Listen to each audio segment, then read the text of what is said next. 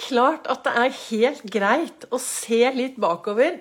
Det er jo ofte noe av det vi gjør på denne siste dagen i året. Men å stirre og ha fokus på det du virkelig ikke vil ha med deg inn, det kan fort bli veldig feil. Velkommen til dagens podkastepisode av Begeistringspodden, som jeg sitter og spiller inn her på Ols Begeistring på Facebook. Det har vært stille en stund. Jeg tok meg noen dager fri. Og er, eh, nå er podkasten oppe igjen. Men det har vært mange som har lyttet, og det er jeg veldig takknemlig for. Og jeg tror er det ett ord som skal beskrive 2023 for meg, så er det takknemlighet. Det skjer noe når vi stopper opp og bruker takknemlighet. Eller fokuserer på det vi er takknemlige for. Det er Vibeke Ols. Jeg driver Ols Begeistring. Farverik foredragsholder, mentaltrener. Kaller meg begeistringstrener og brenner etter å få fler til å tørre å være stjerne i sitt eget liv. Tørre å stråle. Tørre å være fornøyd. Tørre å være seg selv. Jeg tenker i dag er det nyttårsaften. Det, for meg er det en dag hvor jeg reflekterer mye. Jeg ser mye bakover uten å stirre. Jeg har en sånn, kall det en vareopptelling. Hva har vært bra? Hvem har jeg truffet? Hvem har gjort en forskjell? Hvem har vært en forskjell? Det jeg har veldig fokus på, er det som har vært bra. Hva jeg skal ta med meg inn. Det er klart at det har vært hendelser som kanskje jeg skulle vært foruten, eller mennesker jeg har møtt som har vært trøblete. Men det, er, det som er veldig rart, er jo at kroppen gjør Altså, det skjer et eller annet, så jeg glemmer jo alle disse tingene som kanskje var litt ubehagelige eller var litt trøblete. Og så sitter jeg her, og så er det Ved å ha takknemlighet i fokus, så er det så enkelt for meg, Sånn som jeg tenker, da, så er det veldig enkelt å, å ha rett fokus når jeg begynner, stopper opp og tenker Hva er jeg takknemlig for i dag? Hva er jeg? Det har jo blitt en av mine vaner å starte hver morgen med hva er jeg takknemlig for i dag?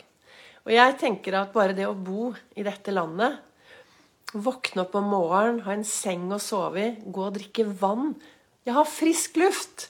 Altså For meg gjør det at jeg blir i hvert fall veldig takknemlig. Og så går jeg videre utover i dagen og finner mye takknemlighet. Og jeg har jo Tidlig i dag morges så satt jeg i godstolen her, og jeg har vært ute på en lang sykkeltur og vært ute og tittet på treet mitt nede på Huk på Bygdø. Et tre som får frem så mange gode ungdomsminner. Det er noe med disse trærne som står der.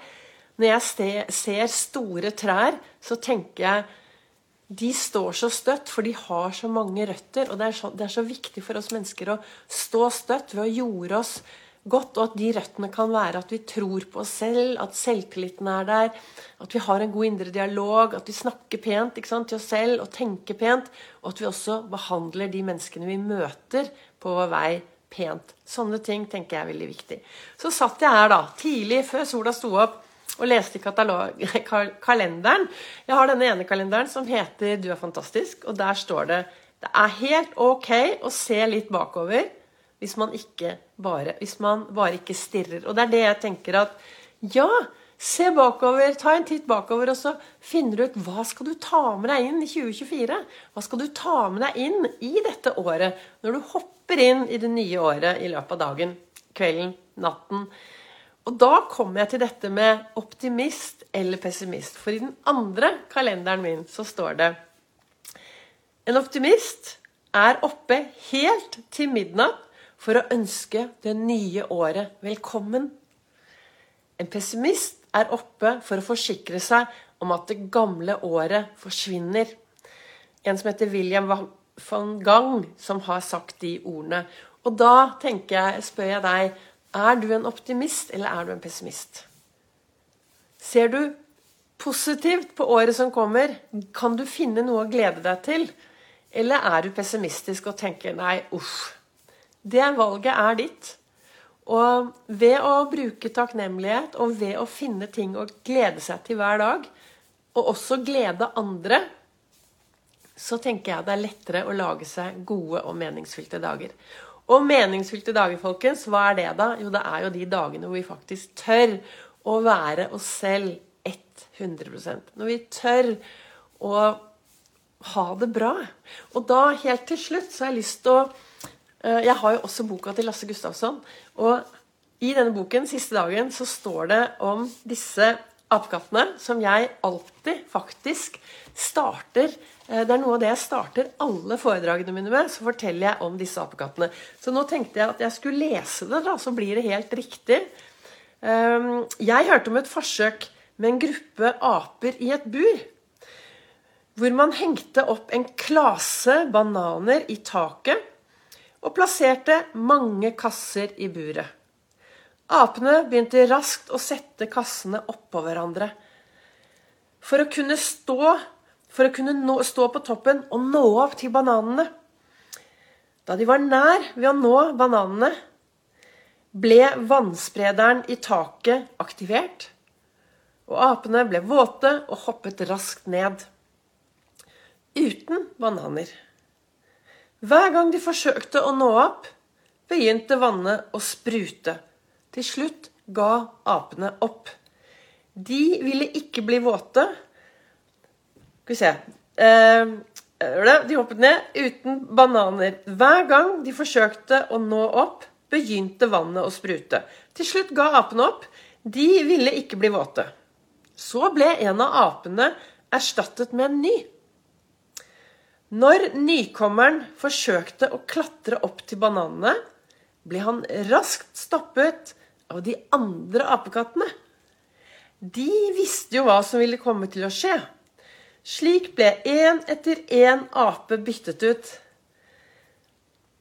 Skal vi se her, må vi se. Byttet ut. Hver gang en ny ape kom inn, hindret de andre den i å klatre etter bananene. Til slutt var alle apene byttet ut, og ingen av de som nå var i buret, hadde noen gang blitt våte. Like fullt forsøkte ingen av dem å klatre opp til bananene. Og så kommer vi til den viktige setningen helt til slutt som kanskje er en setning vi alle skal tenke litt over når vi går inn i det nye året. De hadde arvet en sannhet de aldri selv hadde opplevd. De hadde arvet sannheten om at går du til å hente bananer, så får du kaldt vann. Hvordan er det med deg? Har du fått med deg noen sannheter i løpet av året som du egentlig aldri selv har erfart?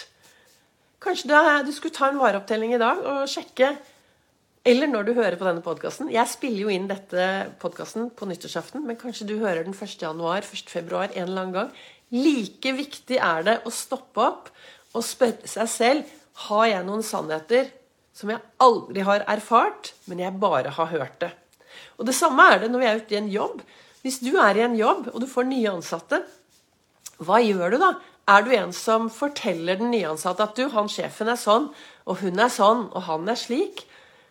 For det, det er din sannhet, eller lar du folk få lov til å få sin egen sannhet? Det bor over fem millioner mennesker i Norge. Fem millioner historier og fem millioner sannheter. Jeg snakker ut ifra det jeg bruker i min hverdag til å påvirke meg selv en god, til en god tilstand, til å ha det bra i min hverdag. Så jeg håper jo at jeg kan inspirere flere der ute til å ta i bruk alt det som jeg snakker om gjennom min podkast og mine livesendinger og alle mine foredrag. Samtidig så er det jo viktig for dere som lytter, å sette spørsmålstegn. Finne ut hva som er bra for deg, og finne ut hva du kan bruke i din hverdag. Hva du kan gjøre for at du får det bra, og at du kan få et nytt, bra 2024. Tusen takk til dere som lytter både på Facebook og på, eh, Instagram og på podkasten min. Veldig takknemlig. Og jeg har faktisk et nyttårsforsett. Jeg er ikke sånn som er så veldig opptatt av nyttårsforsett, men jeg har et. Og det håper jeg flere, jeg skulle ønske at flere skulle ha. Jeg setter veldig pris på alle som hører og lytter og sender meg meldinger. Mitt nyttårsforsett er at jeg skal jobbe med å snakke mer med folk ansikt til ansikt. Løfte blikket og se folk mer. Snakke med folk. For vi trenger å bli sett, og vi trenger å bli hørt, og vi trenger å bli verdsatt. Da ønsker jeg deg et riktig, riktig godt nytt år. I morgen er det 1. januar, og da kommer det en livesending klokken 19.09. Så da, inntil da, ha en uh, hyggelig nyttårsaften, hvis det er nyttårsaften du hører på meg. Eller bare grip øyeblikket, lev mye og ha en superbra dag.